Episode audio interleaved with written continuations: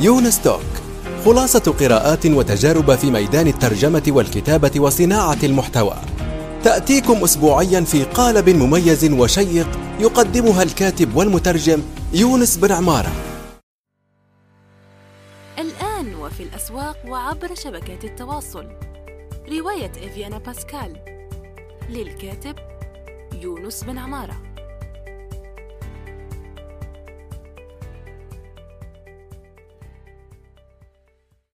السلام عليكم ورحمة الله وبركاته. في حلقة جديدة من يونس توك سوف نجيب في هذه المرة على سؤال أشار إلي فيه أحدهم آه، في حاسوب لكي أجيب عنه. ويتعلق بكتابة المقالات والتدوين عموما. أولا آه، السلام عليكم ورحمة الله وبركاته. أرجو أن تكونوا بخير وعافية وصحة. شكرا للرسائل وشكرا للتعليقات على مدونتي مدونة يونس بن عمارة. لأني كما تعلمون وكما ذكرت ذلك سابقا يعني في حلقات أخرى أني أدون يوميا. فأدخلوا من فضلكم جوجل اكتبوا مدونة يونس بن عمارة وتابعوا ما أكتبه يوميا. هذا يعني كبداية. أه نقرأ نفس السؤال ولأنه هو أسئلة في الحقيقة وليس سؤال واحد ونجيب على كل جزء يعني الأجزاء الأسئلة راح نجاوب عليها جزء جزء بإذن الله. لنبدأ على بركة الله. أه بيقول الأستاذ محمد لكتاب المقالات ممكن مساعدة. يعني سؤال السلام عليكم وبعد. وعليكم السلام ورحمة الله وبركاته. أعضاء حاسوب الفضلاء المهتمين بالكتابة عموما وكتابة المقال بشكل خاص. حدثونا عن تجربتكم في كتابة المقالات في المحتوى العربي. أه وما هي تجربتكم الخاصة في الكتابة؟ وما هي أنجع طريقة لكتابة مقال جيد تقبله مجلة أو موقع ما؟ وحبذا لو تضمن الرد النقاط التالية. الكتابة التقنية أم الكتابة الأدبية البسيطة؟ أيهما أفضل؟ وما هو نوع المقال الذي يفضله الموقع حسب تجربتكم؟ وهل يمكن لكتابة المحتوى أن تكون ذات مردودية؟ لا بأس بها. المردودية مقصود بها هنا آه، الدخل المادي يعني. ويختتم سؤاله بقوله كل تمنياتي لكم بالتوفيق والنجاح. ونتمنى له أيضا كل النجاح والتوفيق في رحلته في التدوين وكتابة المقالات. إذا كما ترون هو بيقول حدثونا عن تجربتكم في كتابة المقالات في المحتوى العربي. آه، أنا شخصيا يعني يونس بن عمارة آه، منذ أن عرفت يعني فيه مدونات وفيه وورد بريس وفي كذا بدأت يعني في بلوجر لكن انتهى المطاف بي في وورد بريس وجربت الكثير يعني جربت كتابة المقالات وجربت آه، يعني إعادة الصياغة وجربت يعني الترجمة وجربت الكثير جدا من الأشياء. وهذا كون لي يعني عدة خبرات من بينها كيف تتعامل أصلا مع البلوجر وكيف تتعامل مع الوردبريس. فهذه البدايات يعني آه، تجريب مهم لأنه يمنحك خبرات كيف تتعامل مع المنصة من ناحية تقنية يعني فهذا مفيد. آه، بعد ذلك يعني هي الكتابة تبدأ يعني عادي لكن بمرور الزمن يعني بتتطور. وفي هذا المقام يطيب لي أن أشير إلى آه، الأستاذ واثق الشويتر فهو قرأ يعني آه، معظم ما كتبته على الإنترنت وعمل مقال ممتاز جدا وتتبع فيه التطور الخاص بي. راح أضع رابطة في التدوين التابع لهذه الحلقة. راح أضع الرابط تبع مقال الأستاذ اللي بيتابع فيه.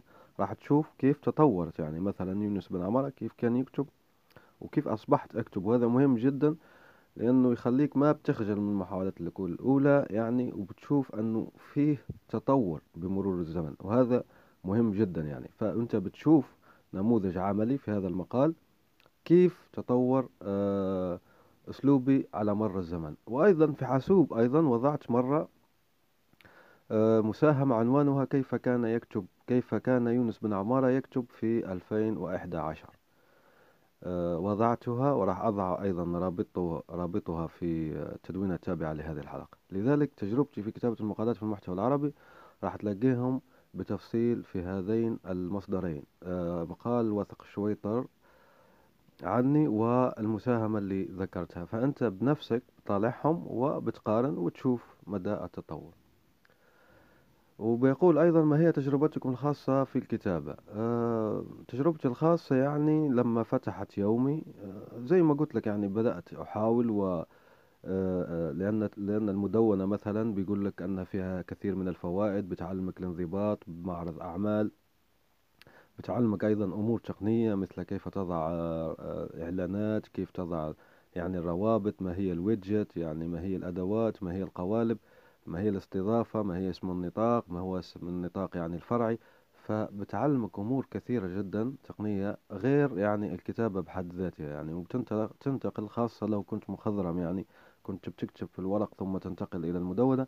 فيكون يعني هون الانتقال أيضا تجربة تقنية في حد ذاتها بتتعلم الكثير وبتتحسن كتاباتك وتكون أيضا موجهة نحو الشابكة. لأنه الكتابة الموجهة للمطبوع تختلف عن الكتابة الموجهة للرقم. وهون معظم السؤال كما هو واضح الأسئلة تبع الأخ محمد تتمحور حول آه، الرقمي مش المطبوع. لذلك سوف نركز إجابتنا عنها تجربتي الخاصة في الكتابة يعني زي زي كثير جدا من الناس. يعني من قبل يعني لما كنت صغير أكتب أشعار فلسطين وأكتب أشعار بوسنا والهرسك يعني وأشعار آه، القضايا اللي أنا مهتم بها وأيضا المجتمع مهتم بها وأيضا قصائد غزلية كثيرة جدا شعر و... وكله رديء مش معظمه رديء لا كله رديء. وهذا يعني مش مش جلد ذات بل صراحة يعني واحد يكون صريح. فهذه هي تجربتي الكتابة يعني. بس في النثر وجدت نفسي يعني وجدت نفسي كيف؟ لأنه مرة كتبت يعني مقال نثري والأستاذة تبع العربية الله يذكرها بكل خير.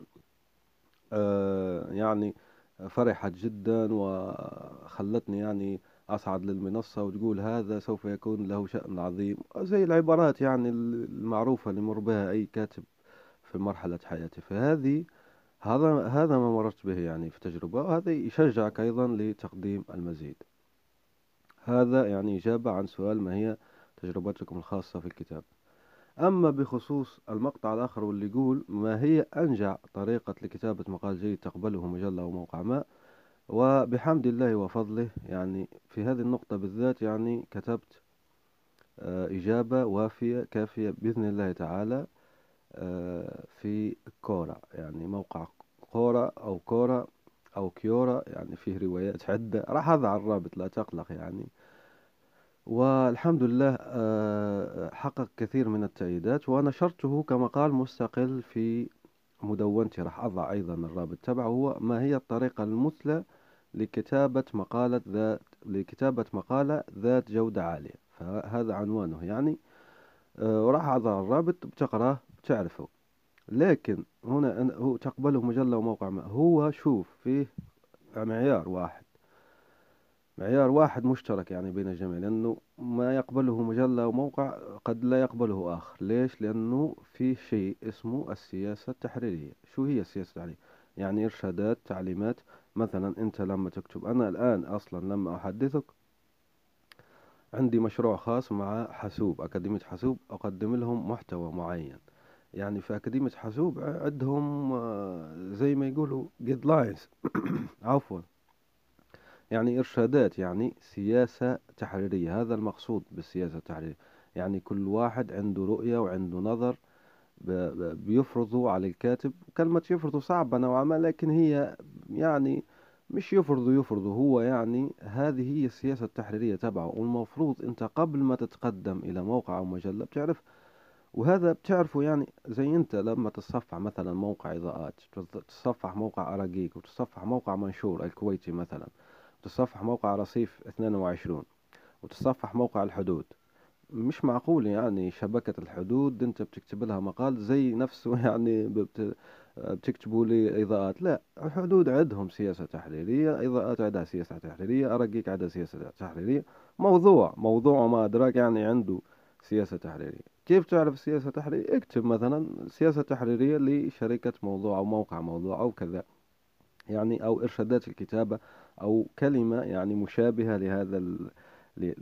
لهذا السياق وبتحطها في جوجل وبتشوف وأيضا تسأل. يعني مثلا واحد كان يكتب في رواق آه عفوا رواق منصة يعني للتعليم عن بعد لا يكتب مثلا في موضوع أو يكتب في منشور أو يكتب يعني في منصة معينة فبتسأله تتصل به السلام سلام ما هي الإرشادات؟ راح يقول لك بيقبلوا كذا ما يقبلوا كذا بيحكوا عن كذا ما يحكوا عن كذا. أما أنجع طريقة عموما زي ما قلنا أني حطيتها في آه، الرابط اللي قلت آه، شاركت يعني فيه في كورة ونشرته كمقال مستقل. هذا هذا يعني مهم جدا. فأيضا الخبر السعيد أنه الأستاذ محمد اللبان مدير المجتمع العربي على كورة أو كورة اتصل بي وقال لي أنه أعجبنا آه، ما كتبته يعني ما هي الطريقة المثلى لكتابة مقالة ذات جودة عالية. فنشرناه على موقع يعني على حسابات كورة أو كورة في الفيسبوك وتويتر الحسابات الرسمية تبعهم العربية طبعا. فهذا أيضا بدلك علامة على أنه المقال جيد جدا ويعطيك جواب السؤال اللي بتبحث عنه بالضبط. الأستاذ محمد يواصل سؤاله ويقول حبذا لو تضمن الرد النقاط التالية. هو بيقول في النقطة الأولى الكتابة التقنية من الكتابة الأدبية البسيطة أيهما أفضل. هون حسب الموقع. هو شو يقصد؟ حسب ما أفهم يعني أنا من سؤاله شو يقصد بالنقطة الأولى؟ الكتابة التقنية والكتابة الأدبية البسيطة يعني بتفضل أنه بنتخصص كثير يعني مثلا لو بنحكوا لو نحن نكتب مقال عن الاختراق الأخلاقي مثلا هل نستعمل مصطلحات أم نبسط؟ حسب الموقع. يعني الموقع إذا كان أصلا موجه للناشئة يعني آه الناشئة والمراهقين اللي هم على عتبة البلوغ مثلا. فما يعقل أنك بتكثر كثير جدا من المصطلحات يعني. فلا لأنه هو مبسط. فبتشرح مثلا الأمن السيبراني ببساطة تامة كأنك تشرح يعني لناشئ أو طفل صغير. وتشرح مثلا الهندسة الاجتماعية شو هي الهندسة؟ وتضرب أمثلة. هون آه نشجع على ضرب الأمثلة إذا كانت بسيطة. لكن لو أنت مثلا تكتب في منتدى أو منتدى لخبراء لينكس. هو أصلا مثلا اسمه منتدى لخبراء لينكس. فالاسم على المسمى سبحان الله. فهون تستعمل كافة المصطلحات واللي ما يفهم شيء راح يكتب لك تعليق وتجيب عليه. مش معقول أنك تبسط لأنه المسألة مش في التبسيط هنا. المسألة أنك تفيد الناس عندهم أصلا خلفية ومشتركين في الموقع بسبب أنه بيتبعوا الجديد وبيتبعوا الأشياء ما, ما عندهم هم في التبسيط أو التعقيد أو كذا. يمكن مثلا في المنتدى بتعملوا قسم للناشئة أو قسم ذلك موضوع آخر. فهون الجواب آه، أيهم أفضل؟ ما في أيهم أفضل. حسب الموقع. تكتب موقع الموقع حسب سياسته التحريرية هل وفئته المستهدفة أيضا. اثنان نقاط. سياسته التحريرية وفئاته المستهدفة. إذا كان هو موقع تبسيطي أصلا يعني بوب ساينس زي ما يقولوا علوم شعبية ببسط الأشياء فيطلب منك تبسط. أما إذا كان يعني موقع تقني أصلا وتقني جدا فالكتابة التقنية هي الأفضل. فهذه إجابة النقطة الأولى. النقطة الثانية بيقول فيها الأستاذ محمد ما هو نوع المقال الذي يفضله الموقع حسب تجربتكم؟ هو بيقصد هون والله أعلم أنه تفضله المواقع. والجواب هو ما في نوع يعني. كل واحد كل موقع عنده نوع مثلا أعطيك مثلا سراج في موقع وحدة الصحافة الاستقصائية في سوريا اختصارا اسمه سراج. هذا شو نوع المقال؟ صحفي مباشر صحفي واستقصائي أيضا. ما بتعرف الصحافة الاستقصائية؟ ابحث عنها اكتب ما هي الصحافة الاستقصائية كيف أكتب مقال استقصائي عندهم قواعد عندهم إرشادات عندهم شيء. مش مختص به هو الصحافة الاستقصائية أصلا يعني type يعني نوع معين من آه، الصحافة. فهذا هم نوع المقال تبعهم صحافة استقصائية. في مثلا آه، صحافة مش صحافة يعني نوع اسمه الويكي. الويكي شو هو؟ زي موضوع بالضبط يعني زي ويكيبيديا زي موضوع. في أقسام وفي أشياء بتشرح ببساطة وكذا. فهذا نمط من أنماط المقالات يسمى نمط الويكي. بتفضلوا بعض المواقع. في أيضا مواقع أخرى مثلا كيف كيف تفعل كذا كيف تفعل كذا كيف تفعل. وفي مبادرات عدة في في, في الويب العربي. مقالاتها بتكون يعني مفصلة بتفصيل معين جدا وواضح يعني كيف تعمل كذا كيف تعمل كذا. في خطوات في يعني مقدمة خاتمة في صور فيه يعني سياسة تحريرية زي ما قلنا فهذا نوع المقال بتفضلوا مقالات يعني كيف أو كذا. فهون حسب انت حسب يعني الموقع. ما, ما في يعني موقع بفضل بتاع كله يعني. يعني لا ما, ما في بتاع كله. يعني كل موقع عنده سياسة تحريرية وعنده. مثلا لنفرض في قبل آه، يعني في وقت سابق لا أدري هل الآن موجود أم لا في موقع اسمه الله أعلم عشرات أو عشرة أو ففيه بس قوائم أفضل عشرة. أفضل عشرة أحسن عشرة يعني أجمل عشرة آه، كذا عشرة. فهو أفضل عشرة أفلام أفضل. فهذا نمطه واضح يعني نمطه قوائم زي ما يقولوا. هو يسموه مقال القوائم يعني مقال بشكل قائمة فالمقال هنا اللي يفضله الموقع وكان يدفع أيضا المال. لا أدري للأسف ممكن أضع رابطه. بس أنا أحكي لك يعني من الذاكرة من مدة كبيرة جدا ممكن ثلاثة أربع سنوات كان بيدفع مقالات لتكتب له مقال أفضل عشرة كذا. فهذا يعني آه، كمثال. آه، لذلك أجبنا هنا عن السؤال ما هو نوع المقال الذي يفضله الموقع حسب تجربتك الجواب باختصار هو حسب الموقع وما يقدمه يعني طبيعته وحسب السياسة التحريرية وبتدخل بتشوف المقالات خاصة في الفيتشرز يعني المقالات البارزة. راح تلقى نماذج عن كيف المقال بيكون في ذلك الموقع. لما بتعرف المقال كيف يكون يعني في ذلك الموقع بتعرف ماذا يفضله الموقع. لكن هل يفضلونه الجميع؟ لا الشيء المشترك بين جميع المواقع هو الجودة. والجودة تعريفها حسب الموقع مش حسبك أنت يعني. فمثلا زي ما قلنا نضرب المثل يعني بذلك الموقع تبع عشرات أفضل عشرة أفضل عشرة. فلما أنت بتعطيه مقال ممتاز جدا في اللينكس يعني في التقنية وما في أي أفضل عشرة حتى لو كان هو جيد بالنسبة للينكس ولا ممتاز جدا بالنسبة للمجتمع لينكس لكن هو ليس جيد بالنسبة للموقع الذي توجهه إليه. أرجو أن تكون قد اتضحت يعني الصورة. آه، النقطة الثالثة التي تكلم عنها الأخ محمد وتقول وهل يمكن لكتابة المحتوى أو لصناعة أدق أن تكون ذات مردودية لا بأس بها؟ الجواب هو نعم وفي أمثلة جيدة جدا في العالم العربي منهم نذكر الأستاذ محمد آه، طارق الموصلي راح أضع رابط مدونته في التدوين التابع لهذه الحلقة. تفتح بيوت نعم تفتح بيوت بتضبط لك آه، حالك زي ما يقولوا تكتفي ماديا تستقل تماما ماديا مشكلة يعني مش مشكلة يعني في عندي ملاحظة للناس اللي يسألوا هذا السؤال أنه بيتوقعوا الربح السريع. لا ما تتوقع الربح السريع. كتابة وصناعة المحتوى هي عبارة عن ماراثون.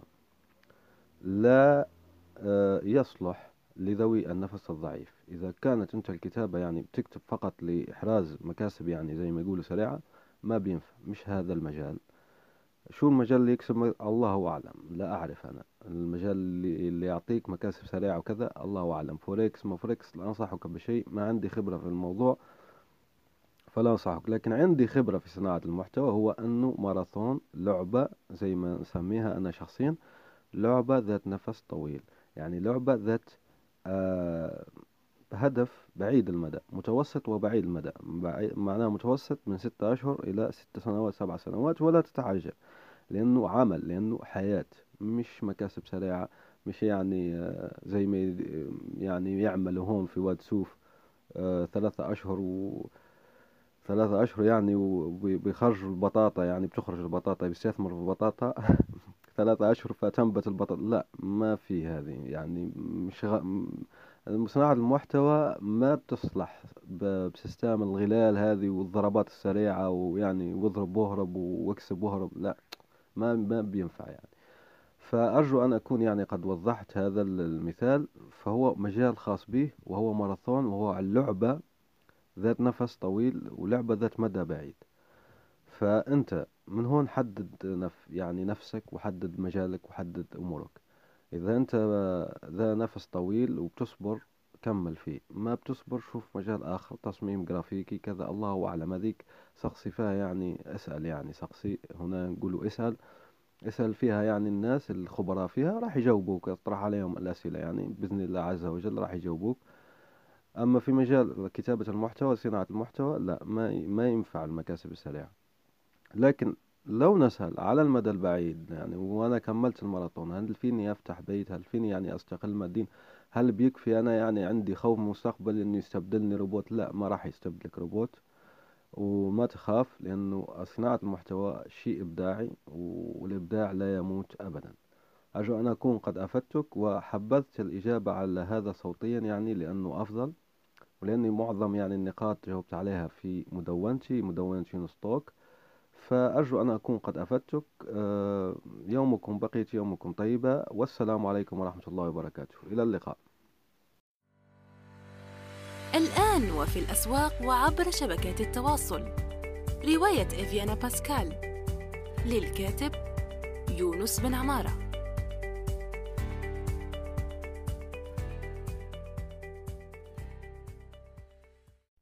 نأمل أن يكون موضوع هذه الحلقة قد نال استحسانكم.